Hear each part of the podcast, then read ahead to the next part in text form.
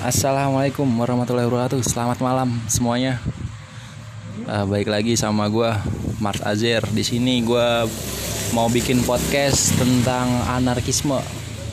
Ini sama temen gue salah satu dari pergerakan di bidang anarkisme deh pokoknya. Gue juga belum ngerti tentang anarkisme tapi di sini boleh kita korek ya. Uh, langsung aja. Ini dari korwilnya WNI nih. Ya silakan diperkenalkan namanya.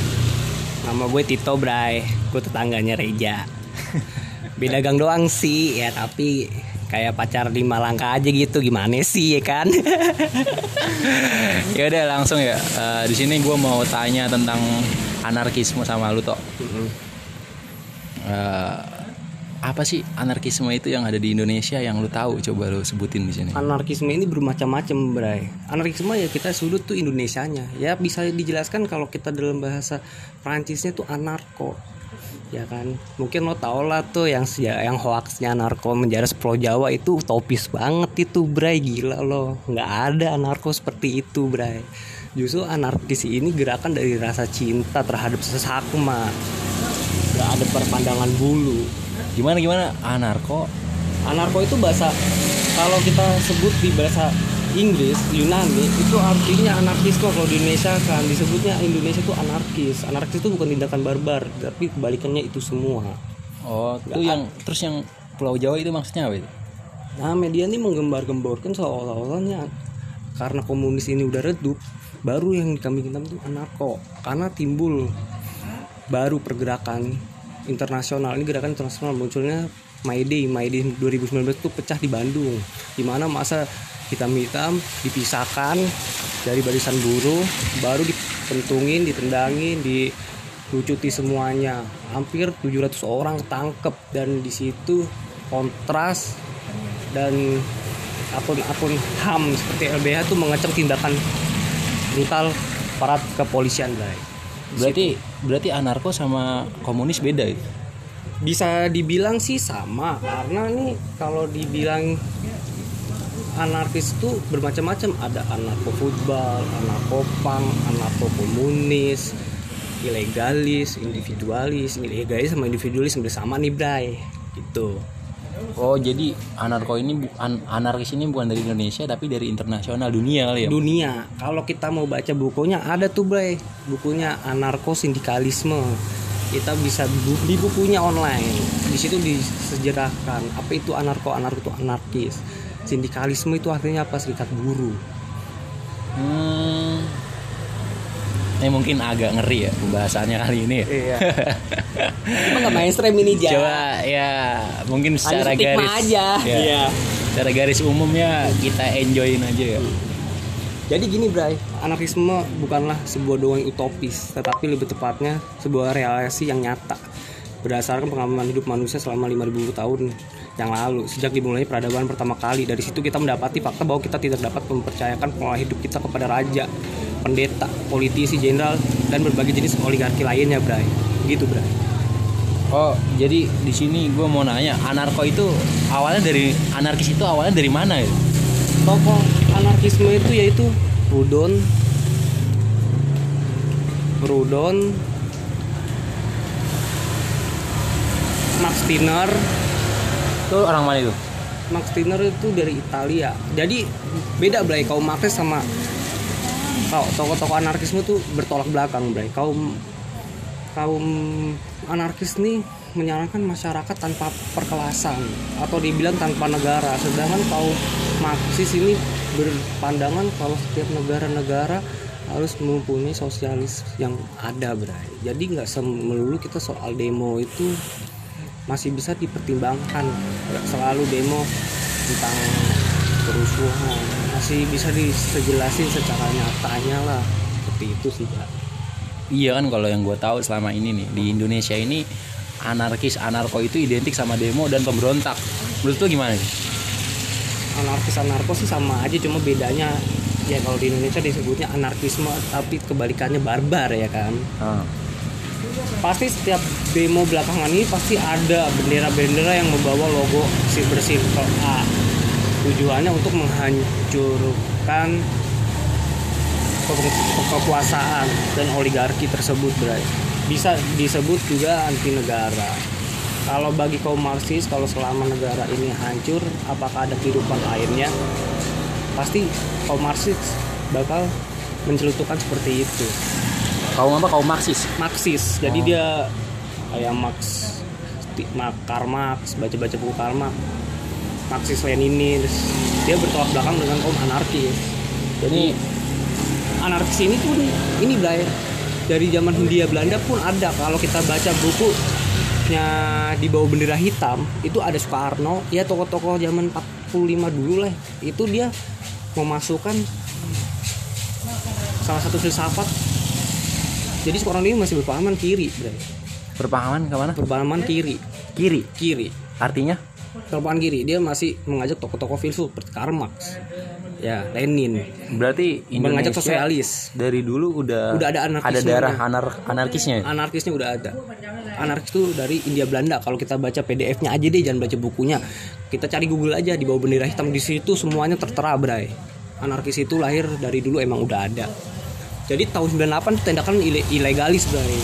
Beda tentang anarkis sama tindakan ilegalis itu mengajak semua masyarakat ber mengajak masyarakat bertingkah semaui kita kayak penjarahan, pem- pem- pemerkosaan, Oh berarti waktu dulu itu yang penjaraan itu anarkis Tindakan- bertindak itu. bukan itu tindakan ilegalis Oh ileg- ilegalis. ilegal semuanya bebas pemerkosaan pembunuhan di mana-mana kalau misalnya corona disebut sebutkan sebagai ya lockdown sih mbak nggak mungkin bisa ya kan lockdown karantina wilayah mungkin ada penjarahan namanya negara menetap- menetapkan PSBB di mana kalau kita ngumpul malam kita diusir-usirin bahkan ditangkap diinterogasi bahkan ya seperti klarifikasi kita nggak mau mengulanginnya lagi lah seperti itu bray Gue mau nanya soal bendera. nih. Hmm. Tadi lu sebutin bendera ya. Di sini bendera ada kaitannya sama kepercayaan. iya Nah di kepercayaan ini yang gue tangkap jujur ya, mungkin anarko ini nggak punya agama, bener nggak? kalau nggak punya agama itu beda lagi bray Karena eh, setahu gue dia nggak percaya ada ada Tuhan. Enggak, kalau itu beda lagi. Mungkin dia bisa baca di bukunya karyanya Nietzsche Seruan Jaratusta di mana buku Nietzsche itu diisi dalamnya kalau kita baca dalemin itu dia maknanya God is dead, Tuhan sudah mati. Di situ itu bacaan ya mungkin anak-anak individualis di mana masyarakat itu semuanya nihil. Kita kita bekerja ke mana aja semau kita tanpa ada membuat budak, mengeksploitasi. Kepemilikan modal sama aja kekerasan. Itu. Kita bekerja semau kita itu dalam arti maksudnya kerjanya Kekuatan kita, apa gitu? kekuatan kita sendiri tanpa diatur. Ya kerjanya apa gitu. Sedangkan kan kalau sekarang ini kita kerja kan di bawah pimpinan. Pimpinan. Iya. Ya tanpa ada yang atur. Jadi ya gimana ya mau semau kita tanpa ada yang nyuruh. Jadi kebebasan lah. Di kalau ibarat kata kebebasan total. Total. Kalau gue sih memahami masih memahami bukunya Rosa Luxemburg, Rosa Luxemburg. Dia gila itu keren banget tuh Rosa Luxemburg. Itu feminis sama Emma Goldman. Itu keren banget kalau lu mau baca dari pergerakan wanita tuh udah di situ. Intinya apa itu? Rosa Luxemburg. Jadi Intinya? se- jadi nggak semua masyarakat perempuan kaum perempuan tuh lemah. Jadi revolusi dulu tuh perempuan yang memulai duluan ketimbang pria. Jadi revo- eh, kalau di bukunya Emma Goldman seperti itu sih. Ini kalau di bukunya Emma Goldman kita baca aja PDF ini bukan revolusiku. Kalau kata Emma Goldman aku tak bisa aku tak mau me- aku tak bisa berevolusi di mana aku tak bisa menari di dalamnya. Aku tak ingin revolusi di mana aku tak bisa berdansa di dalamnya. Ya seperti itu sih Bray. Hmm, lu bisa kasih gua contoh nggak kerja semau kita itu kayak apa ya? contoh kan Kayak gimana? contoh gini Bray 2000 bulan-bulan kemarin kita digembar-gemborkan sama Pak sama PT AIS di mana itu perusahaan es krim. Iya iya iya. Lo tau Bray di situ tuh banyak eksploitasi, perbudakan, penindas abis, gila itu Pak. Di balik es krim yang murah itu ada keringat buruh yang dijual, yang diupah secara minim Bray kalau lo tahu. Itu beritanya banyak merubah luas Twitter, Iya, ada gua paham, gua paham. And Today. Udah IDG udah nyebar kok Bray. Kalau nggak bisa- kalau nggak kalau nggak percaya buka aja ya. Banyak anak-anak pergerakan yang mencibir itu. Ada yang lebih parahnya itu salah satu gedungnya dibangun nggak manggil tukang tapi karyawannya kebebasan dalam bekerja seperti itu Bray Eh,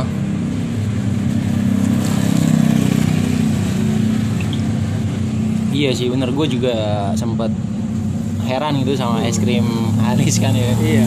Soalnya harganya 2000 gitu. Sedangkan kalau banget, gila. kalau yang merek lain tuh ya Allah kayak setengah harga dari itu ya kan. Gue nggak gue nggak bisa ngejelekin itu fakta. Ya kan kalau gue nggak bicara fakta tanpa ada bukti gue sama aja untuk dijelekin. Kita bisa aja di Google tentang PTS itu sampai sekarang buruh PTS masih melawan gitu bro Oke oke kita refresh lagi refresh lagi ya nyantai dulu tarik nafas dulu ya santai. Mungkin kalau bahas anarkisme udah panjang dan lu udah paham ya. Soalnya ini terbukti dari buku-buku yang lu baca. Hmm. Sekarang gue pengen tanya soal aksi kamisan gitu. Lu ag- agak ad- ada yang mau lu tuangin gak di aksi? Aksi soalnya? kamisan ini ini mau aksi dia melawan impunitas Bray di mana Ibu Sumarsi memperjuangkan anaknya yaitu BR Norman Irmawan dia salah satu petinggi pergerakan aksi kamisan itu ntar lu. Eh, ibu itu yang Ibu tua yang rambutnya putih ya? iya Yang pakai top, yang pakai payung hitam ya? iya Iya. semua pajung hitam sih ya iya hitam hitam Iya identiknya kan baju Identik. hitam, iya baju karena hitam. ibarat kata Kamis melawan redup lah kalau Kamis ini nggak ada redupnya Kamis ini gak ada redupnya. Iya. sih. Terus gue juga sempat korek-korek juga sih Kamisan sekarang udah ada di Bekasi, di Jogja, di Itu udah melebar, kota itu juga udah ada. di Bandung ada aksi kamisan baru dari anak PT Telkom tuh menggerakkan tapi di usir sama ormas ya dilarang lah soalnya itu berpahaman komunis beda lagi tuh Bray. Nah itu ya itu, itu gimana tuh? Aksi Kamisan sama komunis maksudnya nggak apa? ada gitu? masuk akal benar aksi kamisannya aksi dia melawan impunitas Bray. Tapi kalau menurut gue dari pandangan gue aksi Kamisan itu adalah salah satu bentuk pengingat dari pahlawan-pahlawan kita yang telah gugur dan dan dari dari apa dari keluarganya itu mencari gitu. mencari kebenarannya itu bener banget Bray karena negara ini belum ada kebenaran sampai kapan pun Bray masih tumpul. Dan gua pun misalkan keluarga gua hilang di zaman dulu misalnya keluarga gua, gua ada yang pahlawan gitu ya. Pahlawan hilang tanpa kabar dan pasti gue ikut aksi kamisan dan gue pasti bakal tanya di mana keluarga gua? Gimana kabarnya? Gitu. Kalau emang udah nggak ada ya tolong tolong kabarin gitu kan. Mayatnya di mana? Kita pengen doain kuburannya ya ya benar. Itu bener banget Bray aksi kamisan ini kan ya Ibu Sumarsi ya bukan BR Norman Merawan doang sih sebagai anaknya Ibu Sumarsi yang dirugikan. Ada Elang Mulia Lema Lesmana mahasiswa Trisakti Hafidin Royan anak Trisakti. Ada anak YAI juga gue nggak tahu namanya itu berarti aksi kamisan kebanyakan dari mahasiswa gitu ibu-ibunya korban yang salah satu penembakan brutal selaku aparat kena peluru tajam. Kalau kalian mau mengulik tentang tragedi Semanggi 1, Semanggi 2 ataupun tragedi 98, ada kok dokumenter di YouTube-nya itu, Bray. Full itu sangat full tentang tragedi 98 itu. Itu ada fullnya. Bahkan video gue pun gue gue masih nyimpan sih. Kadang kalau bete gue tonton juga ya kan. Karena gimana sih kalau rasanya kita hidup seperti itu? Gue berharap tuh 2019 RKUHP tuh saat demo itu Gue berharap tuh kayak 98 lagi. Karena demo itu gerakan nasional Indonesia serentak ya kan? Kan dari Ambon. Kalau ngomongin demo kemarin gue rasa kita alot kita kalah. Alot kalau kebanyakan yang mundur daripada yang maju ya kan? Iya Itu reformasi bener-bener cuci tangan parah itu. Bener-bener dikorupsi bener itu.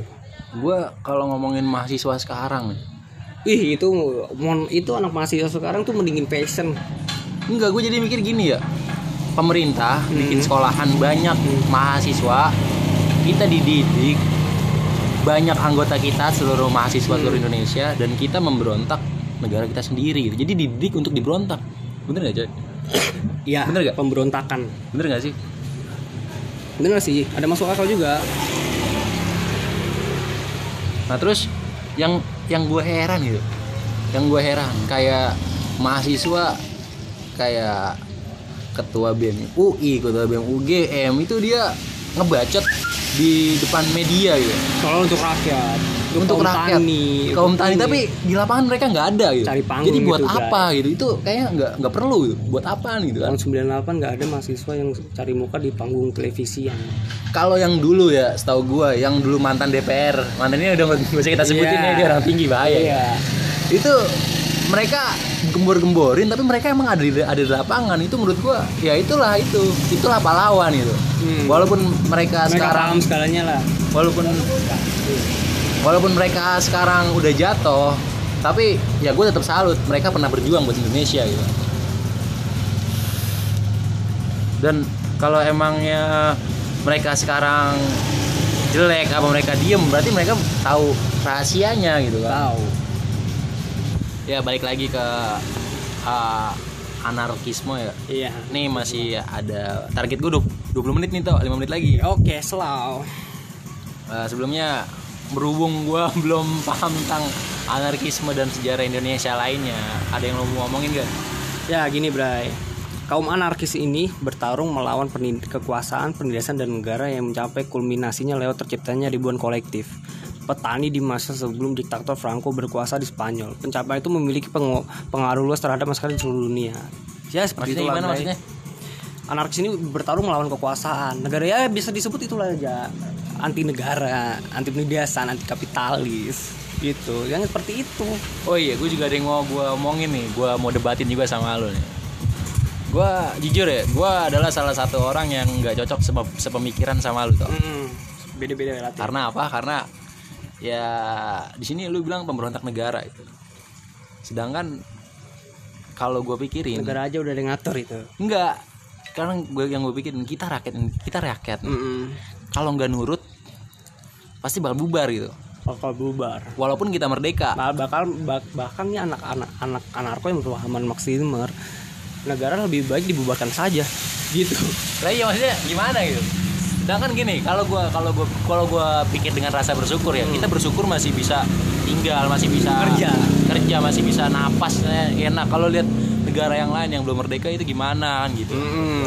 bakal dijajah selamanya Iya. Nah, kalau kita kayak gitu gimana gitu? jadi kalau Apakah ada opsi lain dari anarkis anarkis atau jadi anarko anarkis gitu? anarkis ini tuh pingin gitu masyarakat hidup tanpa bebas ya contohnya kayak kerja lah tuh. Tanpa penindasan tanpa upah minim. Pengen seperti itu. Cuma sekarang aja ya sekarang nyari kerja gimana sih? Susah apalagi rakyat miskin. Kita ngelamar kerja aja pakai duit ya kan? Bener nggak? betul, betul. pakai duit. Belum tentu kita diterima. Gimana itu? Ya, kita mau ngelawan pun susah. Kita ngeluarin uang beli duit belum tentu diterima.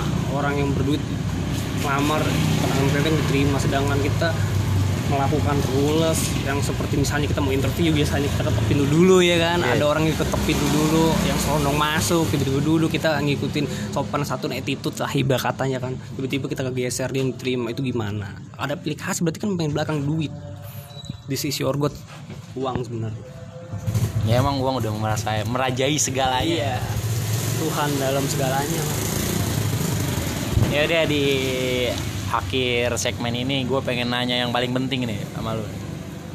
Eh, Sebenarnya adanya anarko, adanya anarkisme dan Anarko adanya anarkisme sama cuma namanya aja beda. oh, namanya beda ya. Iya, eh, maksud gue eh, adanya mereka itu dan paham mereka yang sangat kuat mereka yakinin, tapi mereka nggak punya negara dan mereka mereka punya kesatuan tapi mereka nggak nggak punya negara.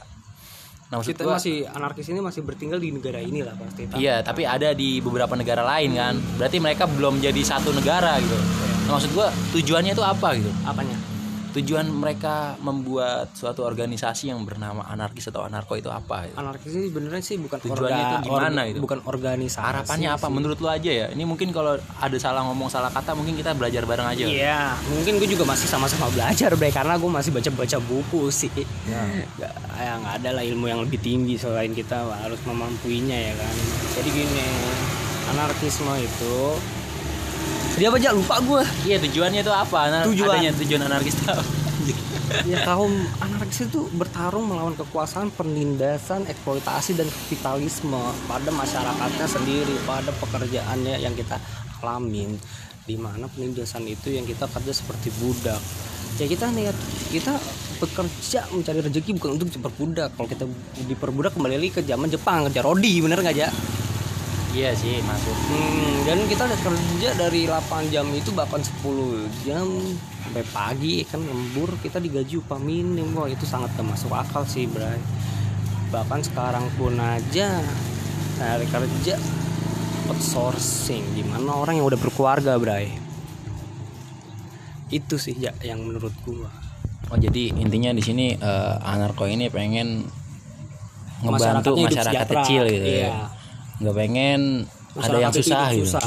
di Indonesia ini kemiskinan itu paling banyak banget ya karena Indonesia penjajahan Belanda beda lah ada sama Malaysia Malaysia pe- penjajahan Inggris makmur semua kan ya kan Iya. itu sih ya perbedaannya Jadi di sini gue simpulin anarko dan anarkis itu sama aja aja Iya sama ya. Anarkis atau anarko kali. Iya. Itu berarti ada di negara yang kurang maju gitu.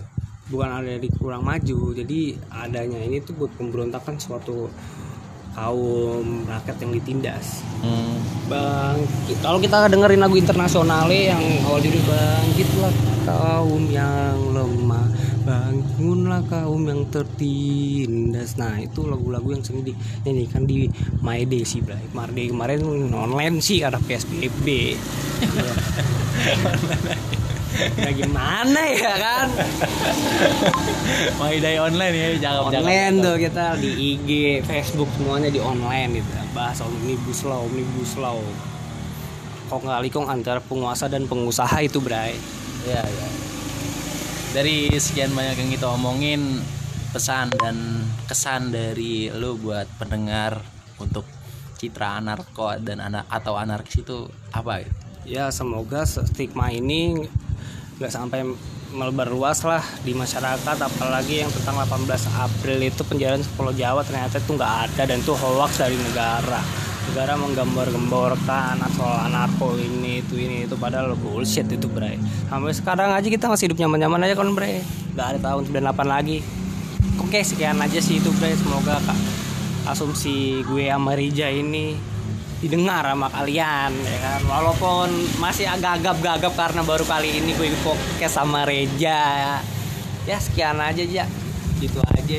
Iya gue lurusin dulu. Iya emang waktu sebelum bulan April tanggal 18 tuh ada berita yang bilang anarko bakal memberontak dan menjarah. Yang itu awalnya itu bakal mulai di Tangerang kalau salah ya. Oh beda lagi. Itu awalnya Pulau Jawa tuh gerakan Pulau Jawa. Iya Pulau. cuman awalnya itu di Tangerang di Banten daerah situ jadi Gua- gini di Tangerang itu dia gerakan itu karena melihat nih kalau di sa ya itu kan baru isu-isu dilakukan lockdown Iya. karantina wilayah kan Ah. jika diperlakukan lockdown ini masyarakat mau keluar aja harus diberhentikan polisi untuk Iya. nyari makan kan bahkan ditangkap ditunda bisa aja nah di siapa waktu kan anarko gimana untuk rakyat miskin ya kan Iya. yang nggak bisa yang mencari pengais rezeki tapi rezekinya terputus Iya. yang maaf maaf bilang ya kan gelandangan ya kan karena banyak kok sekarang ini yang ter PHK massal bahkan Jabodetabek seluruh kota lah tuh PHK massal tuh lah. karena pandemi ini ya kan dia sangat tidak ini lah konkret lah kasihan juga yang udah berkeluarga sekarang nggak kerja susah bray Iya, yaudah eh, intinya anarko itu nggak jahat ya. Mereka punya tujuan dan maksud tersendiri. Gitu. iya Jangan ambil negatifnya tapi ambil positifnya gitu. Karena yang ada di depan itu belum tentu di dalamnya itu jahat gitu. ibarat kata lagu efek by cover ya. ibarat kata efek rumah kaca aja Apa tuh? sebelah mata Sebelah mata, yoi. Ya, eh, sekali lagi gue mau ngomong ambil aja positifnya, buang aja negatifnya ya.